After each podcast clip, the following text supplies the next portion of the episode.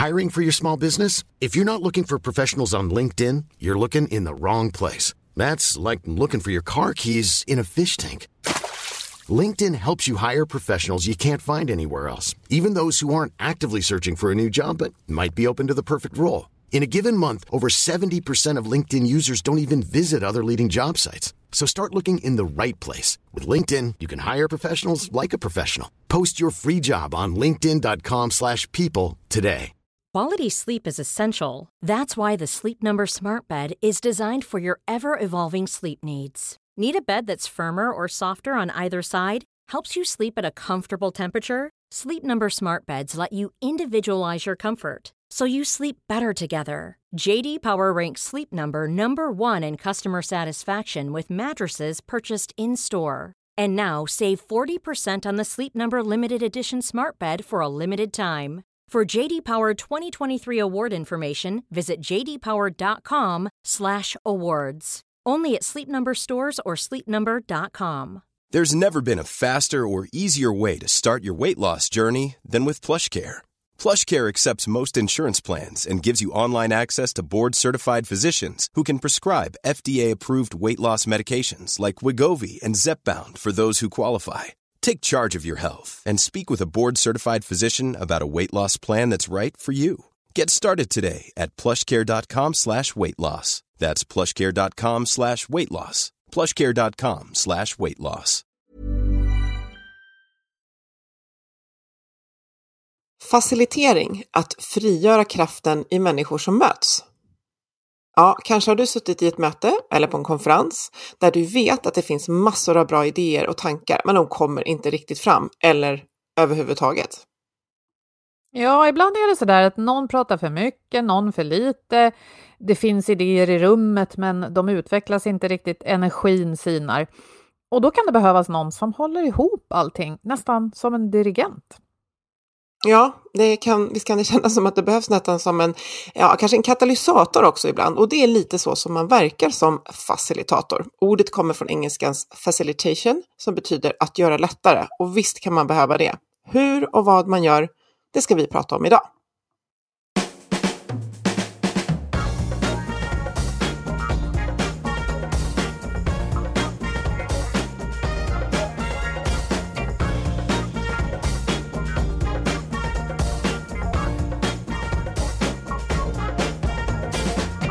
Du lyssnar på Health for Wealth, en podd om hälsa på jobbet. Trots att vi får det bättre och bättre mår många av oss bara sämre. Ja, och så kan det ju inte fortsätta. Och därför tar vi reda på hur företag och organisationer kan bygga långsiktig hälsa och lönsamhet.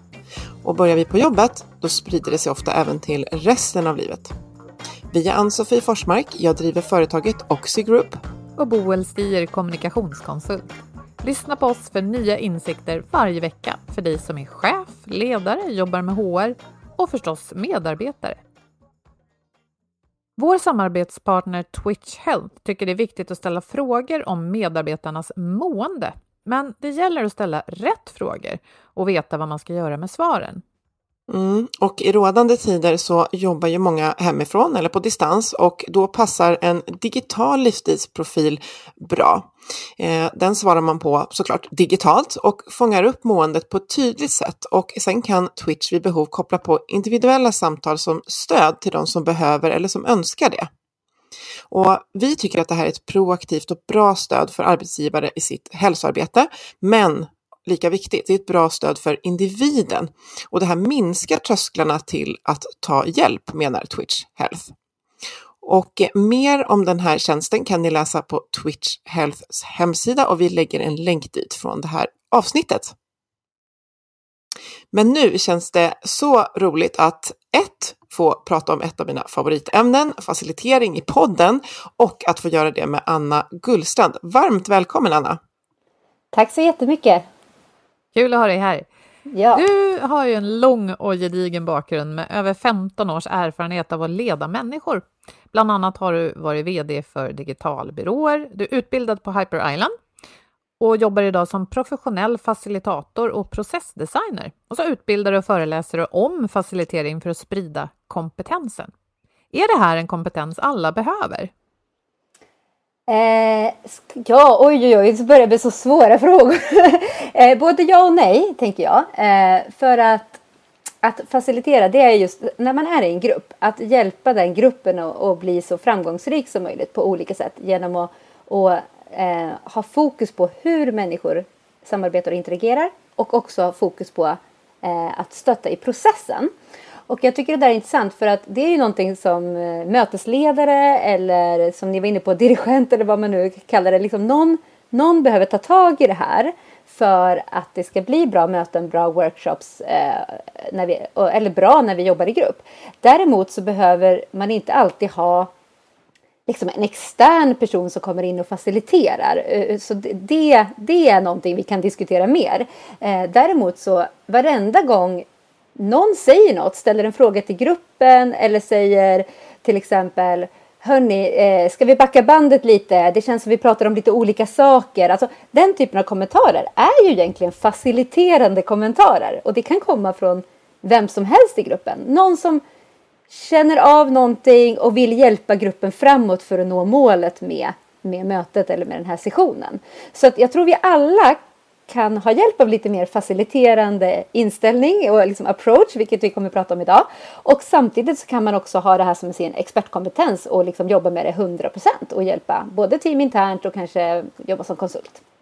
Ja, men jag tänkte nog det att, jag tänker att det var det vi kanske var lite ute efter det där, att det är en kompetens som alla som individer behöver lite av, just för att kunna mm. i ett möte när man känner att det kanske just som du säger, vi behöver zooma ut, att, att förstå vad som behöver ske och också ha lite egen verktygslåda för att få de mm. sakerna att hända. Men sen som du säger så kan man också vara experten som jobbar med det här mm. på, på heltid. Ja. Mm.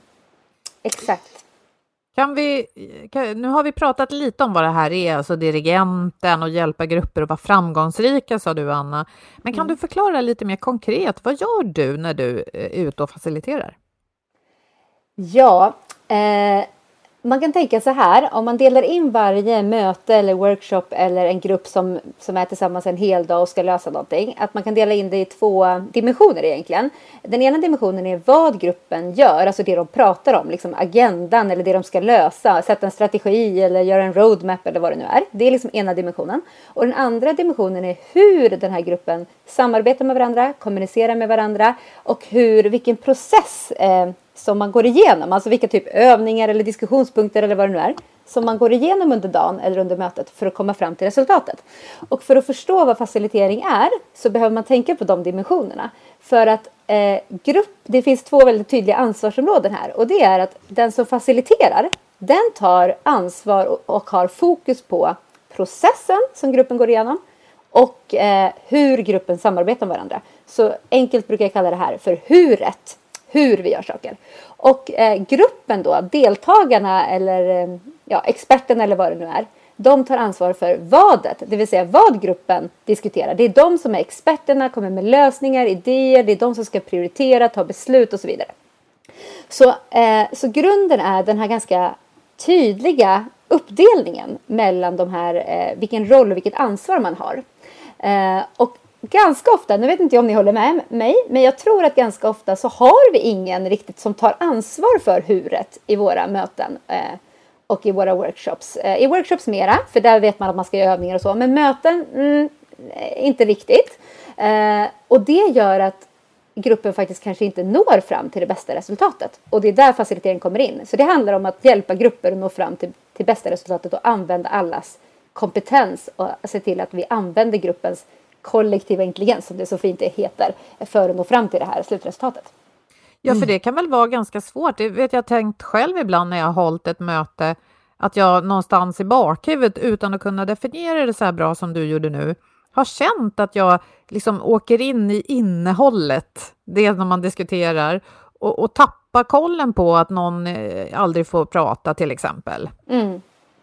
Exakt, och det som är när jag håller kurser i facilitering, när vi pratar om den här tydliga uppdelningen och vi också pratar om det som vi kallar facilitatorns liksom opartiskhet eller neutralitet, vilket då är att man faktiskt inte ska lägga sig i lösningen. Att man ska inte värdera människors idéer och inte heller värdera människor efter hierarki eller status eller eh, helt enkelt liksom behandla alla människor eh, lika eh, vara intresserad av olikheterna och lyfta fram olikheterna. Och eh, att eh, om någon säger något så säger man faktiskt inte bra idé, utan man är helt fokuserad på, eh, på att stötta i, i, i processen. Eh, och det som händer när man gör det här, det blir så intressant för då får man så mycket både energi och fokus som facilitator att man börjar se helt andra saker. Eftersom jag inte behöver komma med lösningar och jag behöver inte vara en idéspruta eller vad det nu är jag vanligtvis är. Eh, så istället så kan jag ha det här fulla fokuset och se de där sakerna som du är inne på Boel. Liksom att ja, se att den där personen försöker säga något eller se att den där personen känns, den blev lite avbruten eh, eller märka att energin går ner eller märka att energin går upp eller alltså allt det här liksom som är det mellanmänskliga får jag helt plötsligt syn på för att jag tar den här eh, mer tydliga rollen. Och jag tror ju, är övertygad om att det är i det mellanmänskliga som det finns så mycket mer kraft och så mycket mer energi och potential än vad vi liksom eh, och det är också där det stökar till det så att säga. Det är i det mm. mellanmänskliga vi både har problemen och de stora mm. vinningarna. Mm. Och, jag, och jag tycker en reflektion där som, som har försökt liksom tillämpa sådana här tekniker är att oj vad mycket svårare det är via skärm tycker jag, när man inte, alltså om du säger någonting och så ser jag liksom på Boel om hon skruvar på så jag ser att inte hon håller med och jag vet att det här kan bli en riktig dikeskörning om ungefär 30 minuter. Mm. Den fångar jag mycket lättare upp i ett rum mm. än kanske digitalt. Ja, har Boel video på så är det ju lättare. Mm. Men eh, har du några tankar kring just det här med, eller det vet jag att du har såklart, för, för du jobbar ju mycket så också, eh, men just vad man behöver tänka på extra i det digitala? Ja, alltså det, när, när, när ni introducerade mig så pratade ni om att jag jobbar som facilitator och processledare och det var ju det jag gjorde när jag skrev den här boken. Men sen så mm. dök det upp en sån fantastisk eh, tjänst att börja jobba på ett bolag som heter Mentimeter som VP People. Så nu är jag faktiskt helt, heltidsanställd eh, inom det som traditionellt kallas HR. Eh, och varför vill jag säga det? Jo, för att anledningen till att jag ville så gärna jobba på Mentimeter, det var ju att det är ju en av de här tjänsterna som möjliggör eh, interaktion på ett annat sätt. Alltså verkligen säkra att hela gruppen blir hörda, att alla får ge input. Det kan vara allt ifrån liksom att Eh, som ni säger, om man har en grupp på 100 pers till exempel, hur, hur förhåller man sig eh, till så många människor? Både i en stor lokal men också så remote. Eller om man har en grupp på åtta personer, hur säkrar man att alla är med? Så, så jag, även där så behöver vi titta både på det mellanmänskliga, det vill säga kanske prata om att ha videon på. Eh, kanske prata om att vi behöver vara lite mer framåtlutade i våra digitala möten och visa mer, alltså faktiskt vad vi tycker och tänker och gester. Vi kan ju fortfarande vara fysiska fast vi sitter framför kameran. Eh, och också sådana här saker att den som faciliterar digitalt behöver vara noggrannare med att na alltså, namnge människor. Jag brukar jobba mycket mer med, med att namnge. Att liksom säga så här, välkommen in i mötet eh, Ali liksom. Eller liksom, eh, hade du någon idé kring detta Karin. Alltså att man behöver jobba mycket mer så för att annars finns det den här risken att, att, eh, att vi inte får med oss hela, hela gruppen. Och sen samtidigt då kan vi använda sådana här digitala verktyg. verktyg. Det finns Miro, eh, Mural, det finns ju en massa interaktioner med Zoom eller Teams, det finns Mentimeter, den typen av verktyg. Där vi kan faktiskt hjälpa till och få syn på vad gruppen tycker i en fråga, hur gruppen skulle ranka olika alternativ, eh, hur, eh, eh, man kanske gör någon skalövning där man får sätta betyg på en skala och så ser man att alla sätter fem utom en person som sätter två. Då behöver vi ju prata om det. Så det finns sätt att synliggöra en grupp med hjälp av digitala verktyg som sen kan leda vidare till vilken diskussion som gruppen faktiskt behöver ha. Mm. Och eh, får jag bara säga, nu bara komma på en sak som jag verkligen vill ha sagt och det är det här att facilitering handlar väldigt mycket om att hjälpa en grupp att faktiskt fokusera på det som är viktigast just nu. Vad behöver den här gruppen just nu? Eh, vilken fråga är den här gruppen behöver prata om just nu? Eller i slutet av ett möte, vad behöver den här gruppen nu? Behöver de checka ut och visa tacksamhet för varandra? Är det det de behöver? Eller behöver de ta ut fram en plan för nästa steg? Är det det de behöver? Och där behövs det någon då som känner in gruppen och tar ansvar för att försöka ge gruppen vad de behöver. Mm. Men det är roligt, vi pratade om orkestrering tidigare. Jag ser framför mig en DJ lite grann som spelar, lägger på en låt, eh, spanar i rummet, känner in viben och därefter vet vilken nästa låt ska vara. Jag tänkte vi kan förtydliga. Mentimeter tror jag många känner till, men det är ett digitalt verktyg för att eh, interagera som grupp. Nu får du rätta mig om du tycker jag säger fel, mm. Anna, men det fiffiga är just att man kan besvara frågor eller tycka till om ämnen eh, anonymt. Mm. Så är vi åtta eller 80 i en grupp så ser man hur många som tycker något, men inte exakt vem. Så att mm. den där enda då som tyckte olika, Anna, den blir ju inte utpekad i, i mm. sånt här sammanhang, utan man ser bara att oj då, här mm. hade vi en diskrepans. Och jag tänkte mm. de andra verktygen du nämnde också blev jag nyfiken på. Är det liknande känslor? Eller? Eh, nej, men de andra verktygen, till exempel Mural och Miro, det är sådana här verktyg som du mer använder för workshops. Så det är liksom som ett, du kan tänka dig som ett, ett stort board där du kan liksom ungefär jobba som vi gör i ett fysiskt rum med post-it-lappar och olika övningar och, och människor kan jobba på olika ställen på det här stora boardet samtidigt då digitalt. Eh, så att du kan liksom du kan till exempel då dela in i det här som kallas breakout rooms på Zoom eller Teams där man skjuter ut människor i mindre grupper och sen kan de jobba var och en för sig, på eh, alltså grupperna på olika ställen på den här stora boarden. Och sen tar man ihop gruppen och sen kan man då zooma in på de olika gruppernas resultat och titta på det. Så det är liksom ett sätt att jag, jag, skulle vilja likna det vid att liksom man tänker sig att så ungefär som man, man har varit i ett fysiskt rum där man har gjort olika övningar som har resulterat i olika saker. Men man, man visualiserar det digitalt istället och gör det smidigare och, och samarbeta digitalt. Mm. Vad intressant. Och jag tänker att om man börjar jobba med den här typen av verksamhet, alltså apropå facilitatorns roll, det blir ju ofta tydligt då att redan det här med digitala möten, att eh, någon kanske roddar tekniken medan den mm. andra sköter innehållet. Så det mm. kan vara viktigt. Men om man nu är ny på det här med facilitering, men, men håller ofta i möten eh, och kanske är nyfiken på att ta in någon, men, men också vill testa lite själv. Vad skulle du säga det bästa är? Då, är det att utse en person i gruppen som kan iaktta processen?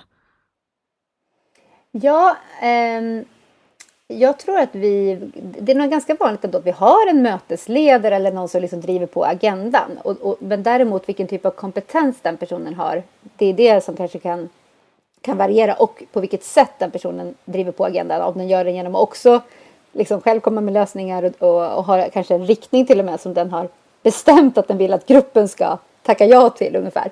Så, det. Det, eh, så, så, det, så först och främst så handlar det om en självmedvetenhet kring, eh, om man vill ta den här rollen på allvar, att så här, om det är så att jag har väldigt viktig expertkompetens i en fråga, alternativt att jag har en väldigt tydlig bild som jag vill ska liksom drivas igenom, eller en väldigt tydlig idé om slutresultatet. Då är min rekommendation kanske att man inte ska facilitera utan att man snarare ska vara en deltagare. För då har man ju en möjlighet på, som som alla andra har att ge den här eh, eh, alltså komma med sin expertis eh, för gruppens bästa så att säga och sen kommer det annan expertis från andra håll då. Eh, däremot om man känner så här, nej, jag är på riktigt intresserad av och tror att den, alltså intresserad av vad gruppen har att säga.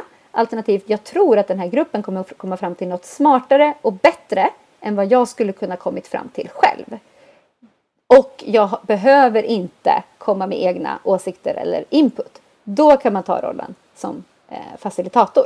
Så som chef så behöver man vara otroligt medveten om när man liksom tar hjälp av gruppen och hur man då beter sig och när man eh, kanske eh, bjuder in någon extern som leder samtalet där man själv då är med som deltagare. Och också kanske få syn på det här. Har jag redan bestämt mig? Eller är jag verkligen intresserad av att gruppen ska komma fram till en lösning tillsammans? Eh, för om man inte är det, då är det ju inte ens en idé att ha den här workshopen. Nej, hamnar du i sådana situationer ibland där du har en uppdragsgivare som säger Hörru, jag vill bara få alla här att fatta vad som är rätt? Ja, eh, när jag jobbade med facilitering så kunde jag hamna i sådana situationer. Eh, och det som jag tänker då, det är att det är, inga, det är inga konstigheter om en chef eller en ledare har bestämt sig för en riktning eller ett slutresultat. Eh, för det är en del av också en chef, att vara chef och ledare. Att ibland så tar man den typen av beslut baserat på olika parametrar. men om man då har gjort det redan, då kan man ju välja vad man vill göra sen. Antingen kan man ha ett informationsmöte där man informerar om det här beslutet. Det är liksom ett rättvist sätt, så här, väldigt ärligt. Så här, det här beslutet är redan taget och så här, det här är varför vi tog det och så här tänker vi. Alternativt kan man ju ha en workshop och då, men då ska man vara noga med vad, vad man vill få ut av workshopen. Och då tycker jag att workshopen kanske ska handla om att det här är ett beslut. Nu vill jag ha er hjälp att eh, att komma på den bästa implementeringen av det här beslutet. Eller, eh, eller det här är ett beslut som är ungefär 80 procent taget. Nu vill jag ha er sista input och klokheter eh, med mig in i processen eh, så att vi kan ta ett så eh, kvalitativt beslut som möjligt. Eller vad det nu är. Så jag tror att, eh, och det är liksom en sån här grundgrej inom facilitering att innan man sätter sig ner och designar processen så behöver vi vara överens om det önskade resultatet. Exakt mm. vad konkret den här sessionen ska leda till. Och det är precis det här jag var inne på nu. Att eh, det, behöver man, det samtalet behöver man ha med den som har liksom tagit in en så att säga. Eh, mm. Oavsett om det är internt eller om det är att man är intagen som konsult. För att det avgör ju sen hela processen och hur man lägger upp hela, hela mötet. Mm. Precis, man behöver förbereda lite grann och reda ut vad det faktiskt är som förväntas och ska göras. För annars kan det bli, ja, då, då kör ju processen i stå ändå så att säga. Ja, och jag skulle säga att det finns en ganska utbredd workshop-trötthet eh, i Sverige. Jag har inga undersökningar på detta. Det är bara någonting jag känner. Och jag tror att det har lite att göra med det vi brukar prata om i Sverige. Att det är lite så här konsensus, eh, kultur. Alla ska med och man liksom ibland drar saker i långbänk. Så, det finns någon sån idé. Och eh, jag, tror där, jag tror att utmaningen är att vi kanske inte är så medvetna om när vi, när vi har en workshop vad vi faktiskt vill.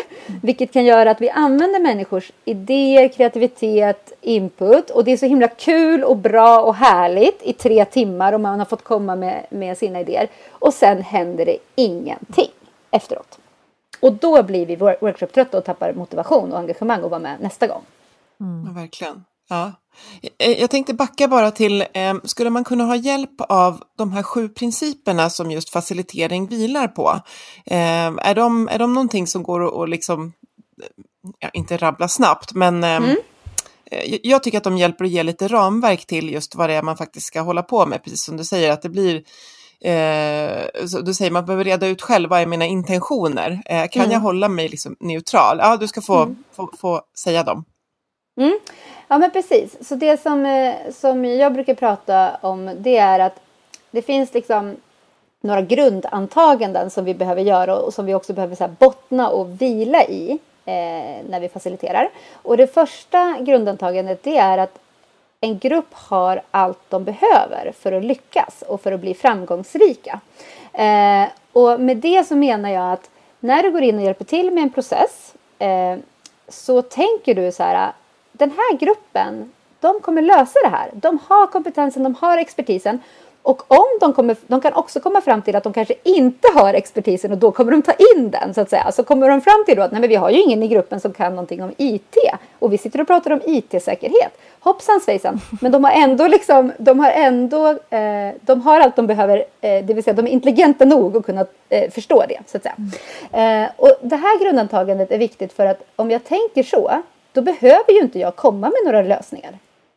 Nej. Alltså det, det, är liksom, det gör att jag kan ha det fokuset jag har. För jag är övertygad om att de kommer lösa det här och jag stöttar dem i det. Och jag behöver inte hjälpa till genom att vara smart och komma med Nej. idéer. Liksom. Så därför är det här viktigt. Mm. Och sen så eh, och sen så är det liksom, handlar om, jag kan ju säga allihopa men jag behöver kanske inte djupdyka nej, i dem. Precis. Men... Nej, vi kan, så för få, jag tycker man får så tydlig bild. Ja, ja men precis. Så det är den första i alla fall. Och sen är det att, eh, att vi tänker att människor vill ta ansvar och att människor vill utvecklas. Och det är liksom en grund i att vara människa, att sträva liksom eh, så. Eh, vi tänker att alla i gruppen är lika värdefulla för att nå ett slutresultat. Och samtidigt så, så tycker vi att det är det bästa med de här människorna är att de är olika. Olika styrkor, olika kompetens, olika bakgrund, olika erfarenhet, olika perspektiv. Och det är det som gör att gruppen kommer lyckas. Eh, och eftersom människor är olika så finns det också olika sanningar. Och med det menas att det enda människor kan egentligen uttrycka det är ju saker från sitt eget perspektiv. Och vår, vi går alla omkring med vår egen lins som vi ser världen och hur vi ser världen och uppfattar saker beror ju på allt som tidigare har hänt eh, i vårt eget liv. Mm. Och om man bara tar det lite lugnt i diskussioner och tänker att så här, ah vad intressant, där fick jag det perspektivet. Och vad intressant, den personen kommer med det. Åh, oh, den kommer med det. Och ser det som en styrka istället för att störa sig på varandra. Mm. Så blir det liksom en helt annan, eh, en helt annan grej, eh, kan man väl sammanfatta.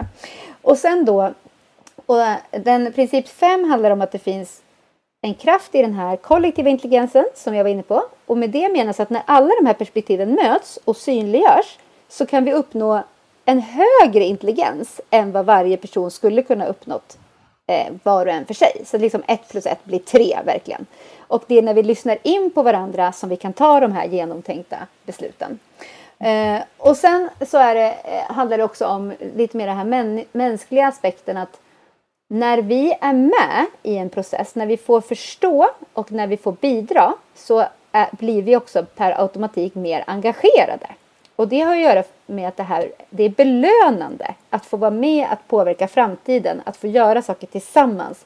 Eh, att, eh, att ha status och vara viktig i en fråga, det är väldigt belönande. Så vi blir per automatik mer engagerade när vi är med eh, och, eh, och, och, och liksom är med från början så att säga.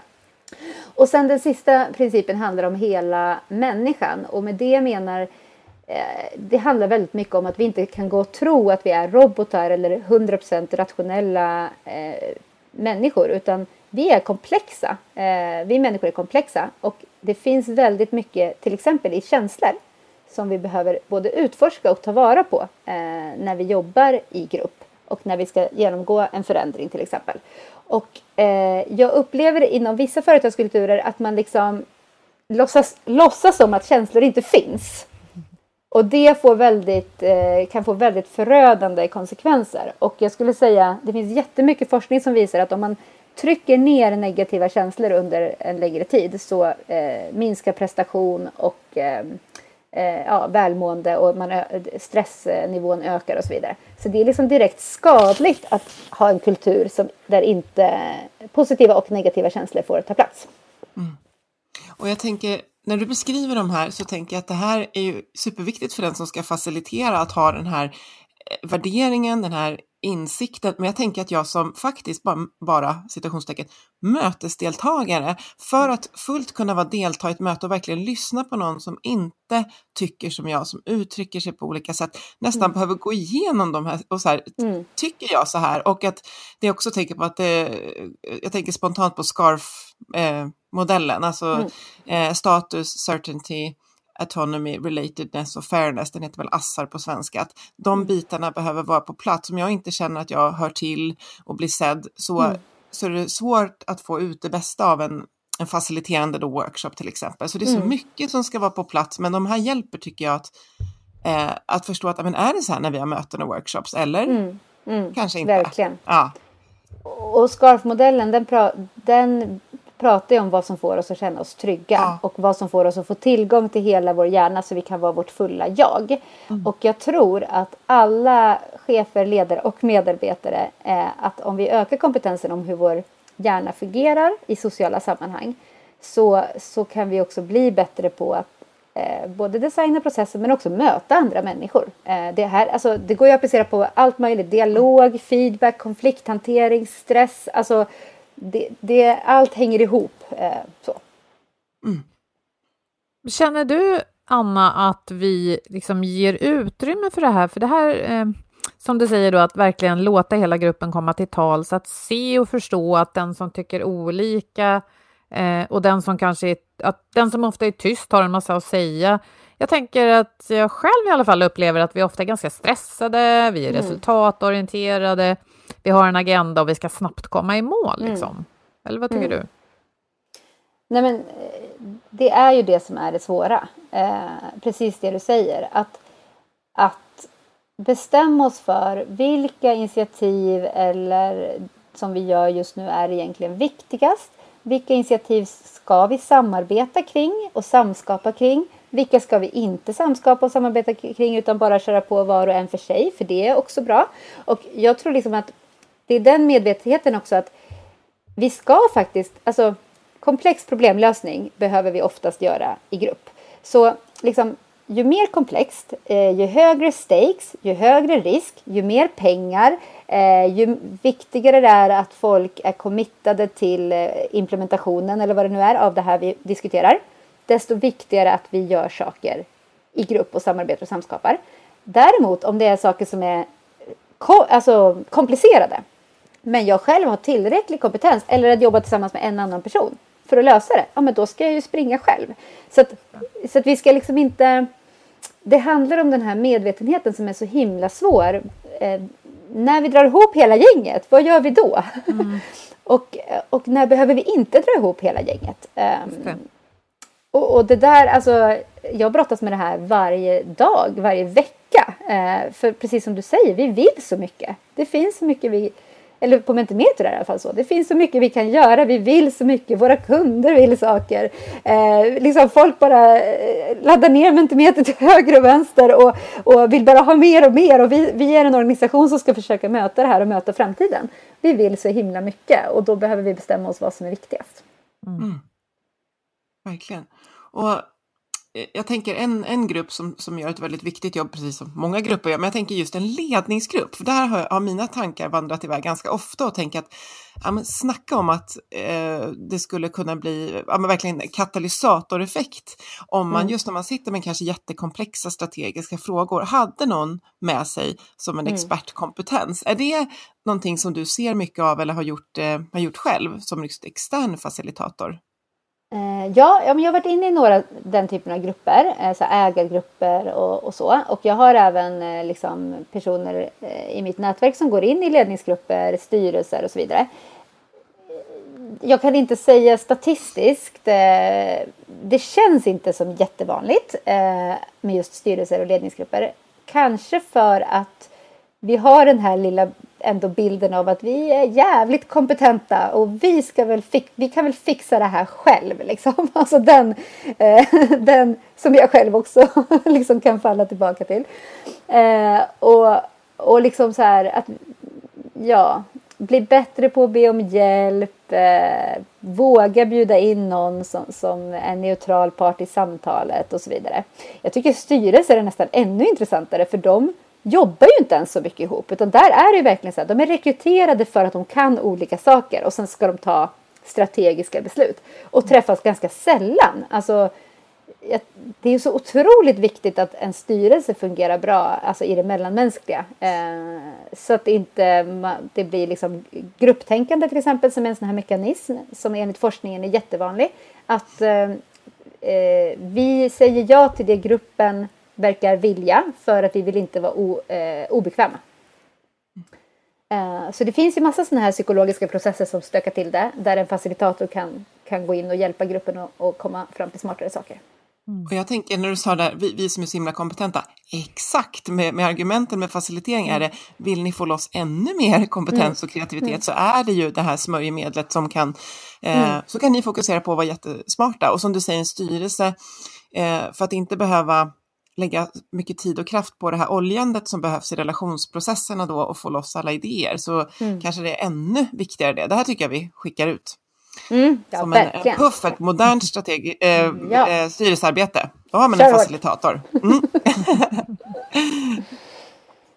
har, har, du varit själv i, eh, eller det skulle vara kul att höra Anna, eh, några så här riktigt knepiga situationer man kan hamna i som facilitator och, och hur, hur, du har gjort då? Ja, nej men man kan säga så här. Ganska många gånger när jag har kurser så, eh, så blir det liksom, vad är, vad är det egentligen vi tycker är jobbigt när vi leder en grupp? Alltså vad är det vi är rädda för? Och det som många människor eh, är rädda för det är just när det blir liksom konflikt i gruppen eller när eh, människor liksom inte beter sig för gruppens bästa eller härskartekniker eller alltså den typ, typen av, av, av saker. Och, och ganska ofta skulle jag säga att det finns liksom ett mindset och det, det, är inte konstigt att vi har det för att vår hjärna generaliserar. Men vi tänker liksom att en grupp funkar men det är en person som ställer till det. Eh, alltså det finns en jobbig person eller två jobbiga personer eller två personer som behöver förändras, eh, behöver ändra på sig för att en grupp ska fungera. Och eh, jag skulle liksom jag skulle vilja vidga det här lite grann. Att det är faktiskt eh, alla beteenden i en grupp hjälper till att, åter, eh, vad ska man säga, att skapa normer i gruppen. Så om det är till exempel en person som alltid pratar väldigt mycket på mötena så är ju det ett beteende som, som liksom man kan tänka sig står i vägen för gruppen.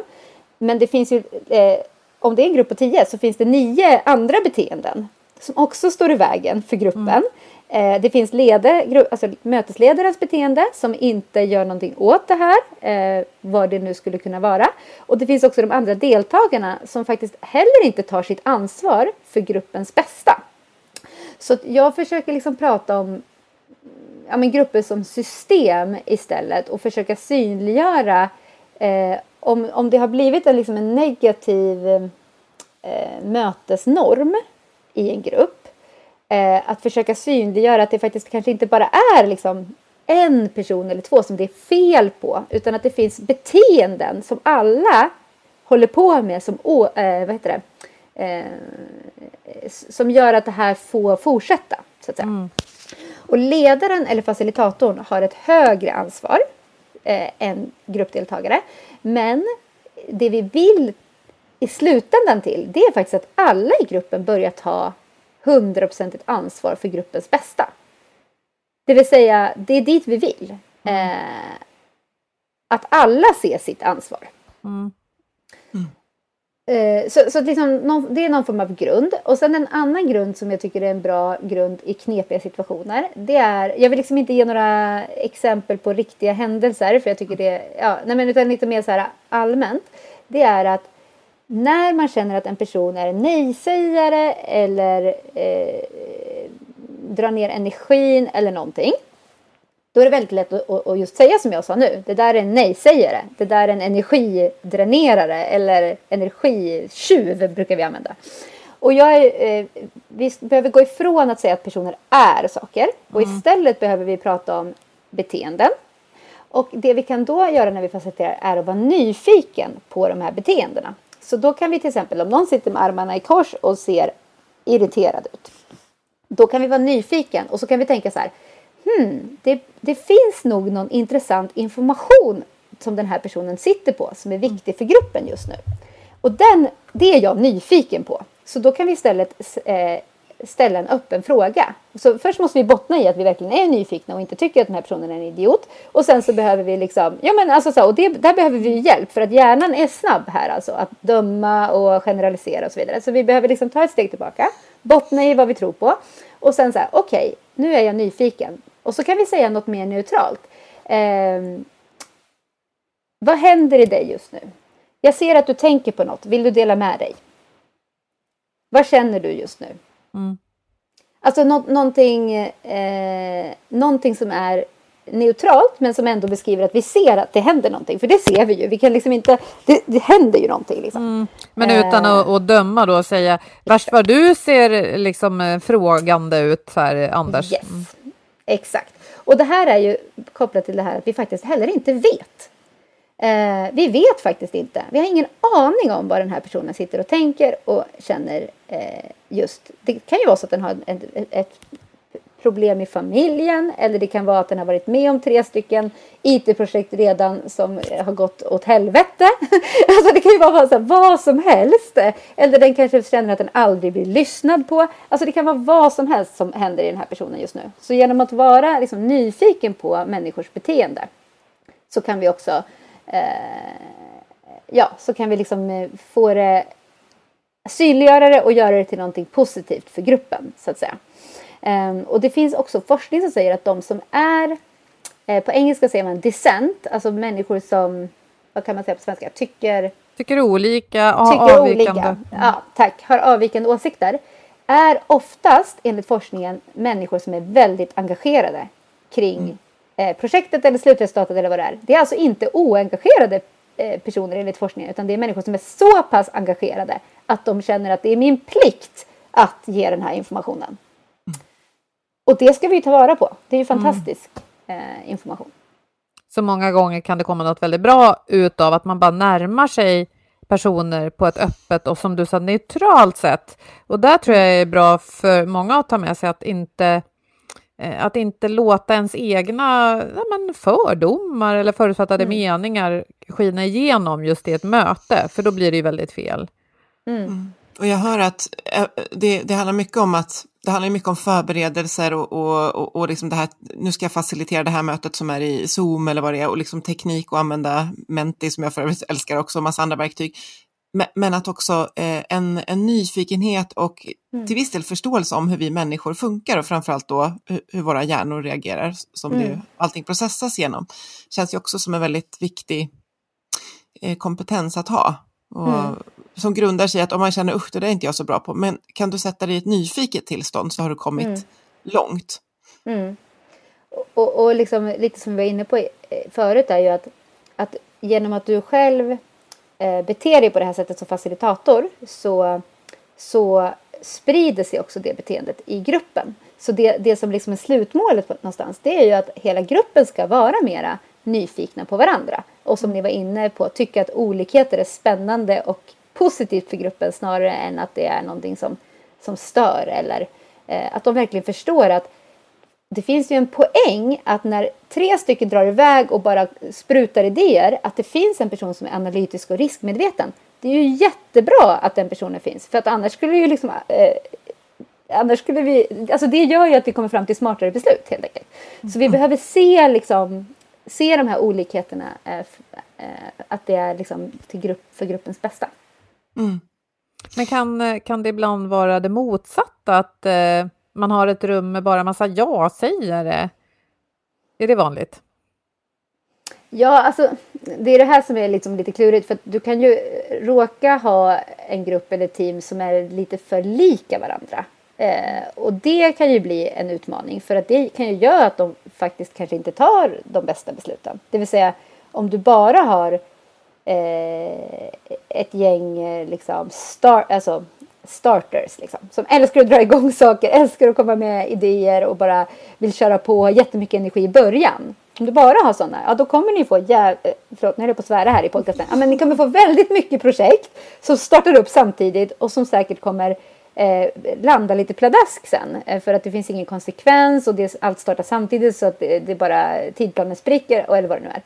Så det finns ju sådana, så, så, så, därför brukar man ju prata om liksom vikten av att faktiskt eh, rekrytera in till en grupp och också tänka på sådana här saker som, mm. som styrkor eller liksom personlighetsdrag och, och, och, så, att det också är, är viktigt. Liksom. Eh, mm. Att man vill ha olikheter helt enkelt. Eh, så, så kan det ju vara. Och sen så finns det ju grupper där liksom där det mer, alltså jag-sägandet mer handlar om det här med grupptänkande till exempel. Att man kanske har en arbetsplats där man inte där man ser konflikter eller att tycka olika som något väldigt eh, negativt. Alltså det har blivit en sån kultur. Vilket gör att människor inte vågar eh, tycka olika eller säga till när de tycker tvärtom. Eller att det liksom, och det här behöver liksom inte vara... Det här kan ha skapats liksom omedvetet. Alltså det behöver inte... Förstår ni vad jag menar? Så det kan vara en mm. snäll kultur där alla har väldigt trevligt. men, men som också kanske gör att man inte vågar vara obekväm. Eh, för att vi ska ju ha det så himla trevligt hela tiden. Det är inte så, så. vi gör här, vi utmanar inte varandra liksom. Nej, exakt. Här, är här är vi positiva och tänker lösningsorienterat. Liksom. Eh, så, det kan, så de utmaningarna finns. Och sen finns det utmaningar kanske om det finns en väldigt stark eh, informell eller formell ledare som, som liksom alla på något vis rätta sig efter. Liksom. Mm. Så, och sen finns det tusen andra möjligheter. Mm. Alltså, jag är helt övertygad om att vi har väckt väldigt mycket både nyfikenhet och så stort intresse och tror jag också förståelse för hur viktigt eh, det är att, att ha ett förhållningssätt till den här liksom, förmågan att facilitera hos våra lyssnare. Eh, var, var, var, ska man börja om man stänger av podden nu och tänker att men det, här vill jag, det här vill jag förstå mer om och, och kunna använda?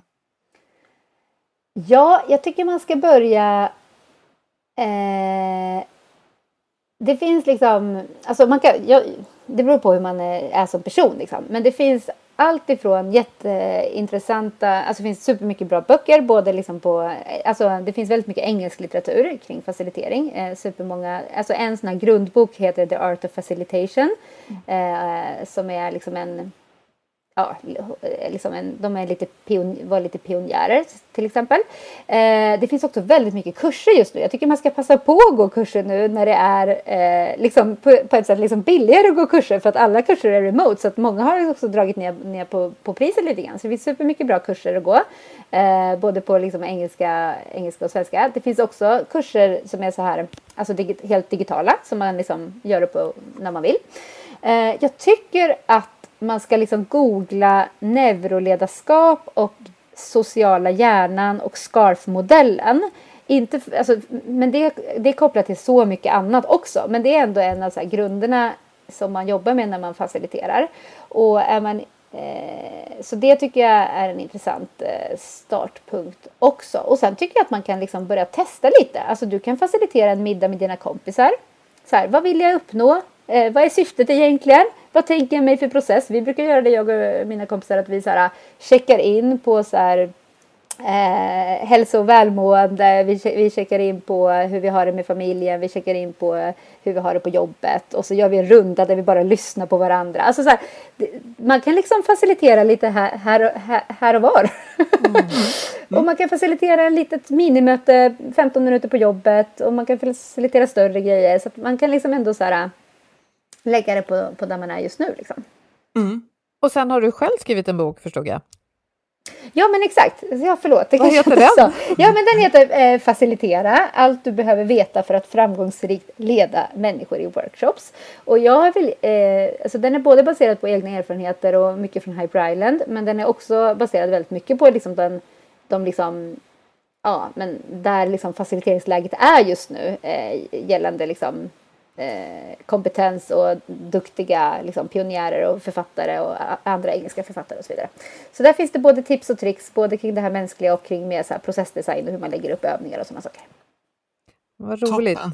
Jag skulle vilja spela in en grej som kanske inte handlar om workshops och, och arbetslivet så mycket, men vi pratar just nu, eh, vi och vi, men det pratas mycket om polariseringen i världen egentligen, att i alla länder många i alla fall, så drar liksom politiken åt två olika håll, det skärps till, folk är arga på varandra. Eh, mm. och där är det ju många som har sagt det här, som du också har rekommenderat här nu, att vara nyfiken på, mm. så att mm. säga, motståndaren, eller den som mm. inte tänker som vi, mm. vilket förstås är väldigt, väldigt svårt, särskilt med tanke mm. på känslor och att man kanske tycker att någon håller på att liksom dra ner landet eller världen i någon slags elände. Mm. Men där kan vi ju faktiskt träna också bara när vi kanske eh, läser nyheter, hör på radio. Mm.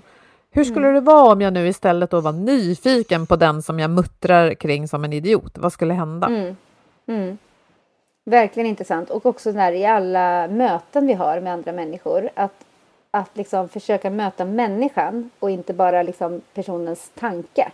För det är liksom när vi möts som människor på olika sätt Eh, ja, men ni pratade om sårbarhet och, och sådana saker. När vi, liksom, när, vi får, när vi får vara både känsla och tanke. Det är då vi också bygger relationer och när vi bygger relationer så vill vi ta hand om varandra och vi vill lyssna mera och vi är mer nyfikna. Eh, så, så liksom, det är också därför liksom, när vi pratar om ledarskap nu för tiden, vi pratar väldigt mycket om att bygga, eh, bygga relationer och att lyssna till exempel som är sådana egenskaper som vi lyfter för framtidens ledare.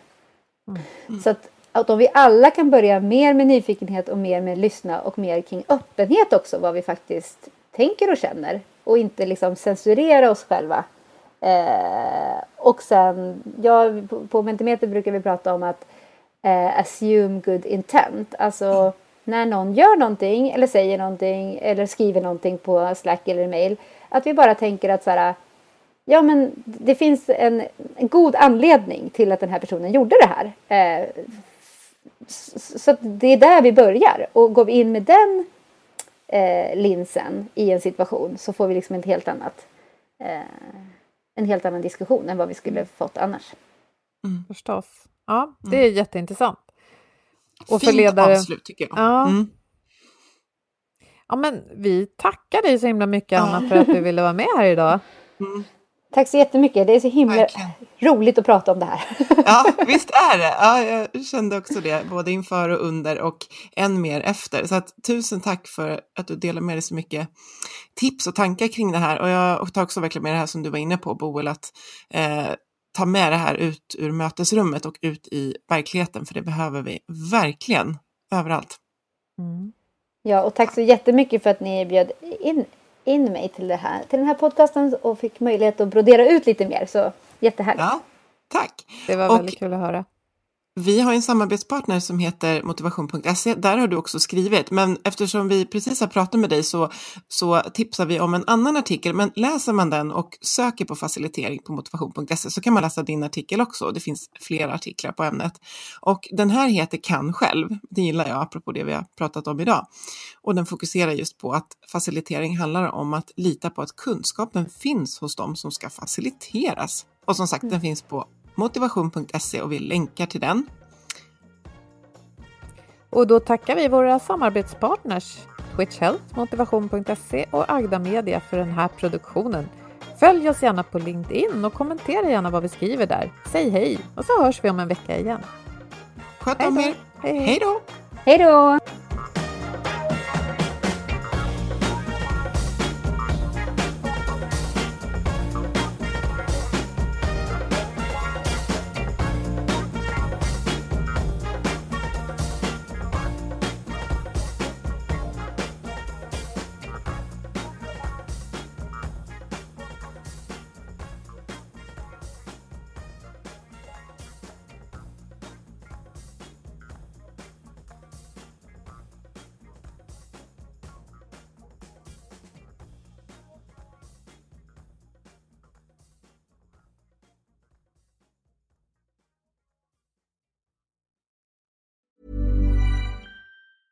Imagine. Imagine the softest sheets you've ever felt. Now imagine them getting even softer over time. That's what you'll feel with Bowl and Branch's organic cotton sheets. In a recent customer survey, 96% replied that Bowl and Branch sheets get softer with every wash. Start getting your best night's sleep in these sheets that get softer and softer for years to come. Try their sheets with a 30-night guarantee. Plus, get 15% off your first order at bowlandbranch.com. Code BUTTERY. Exclusions apply. See site for details. Planning for your next trip? Elevate your travel style with Quince. Quince has all the jet setting essentials you'll want for your next getaway, like European linen, premium luggage options, buttery soft Italian leather bags, and so much more. And is all priced at 50 to 80% less than similar brands. Plus, Quince only works with factories that use safe and ethical manufacturing practices. Pack your bags with high-quality essentials you'll be wearing for vacations to come with Quince. Go to quince.com slash pack for free shipping and 365-day returns. Normally, being a little extra might be a bit much, but not when it comes to healthcare. That's why United Healthcare's Health Protector Guard fixed indemnity insurance plans, underwritten by Golden Rule Insurance Company, supplement your primary plan so you manage out-of-pocket costs. Learn more at uh1.com.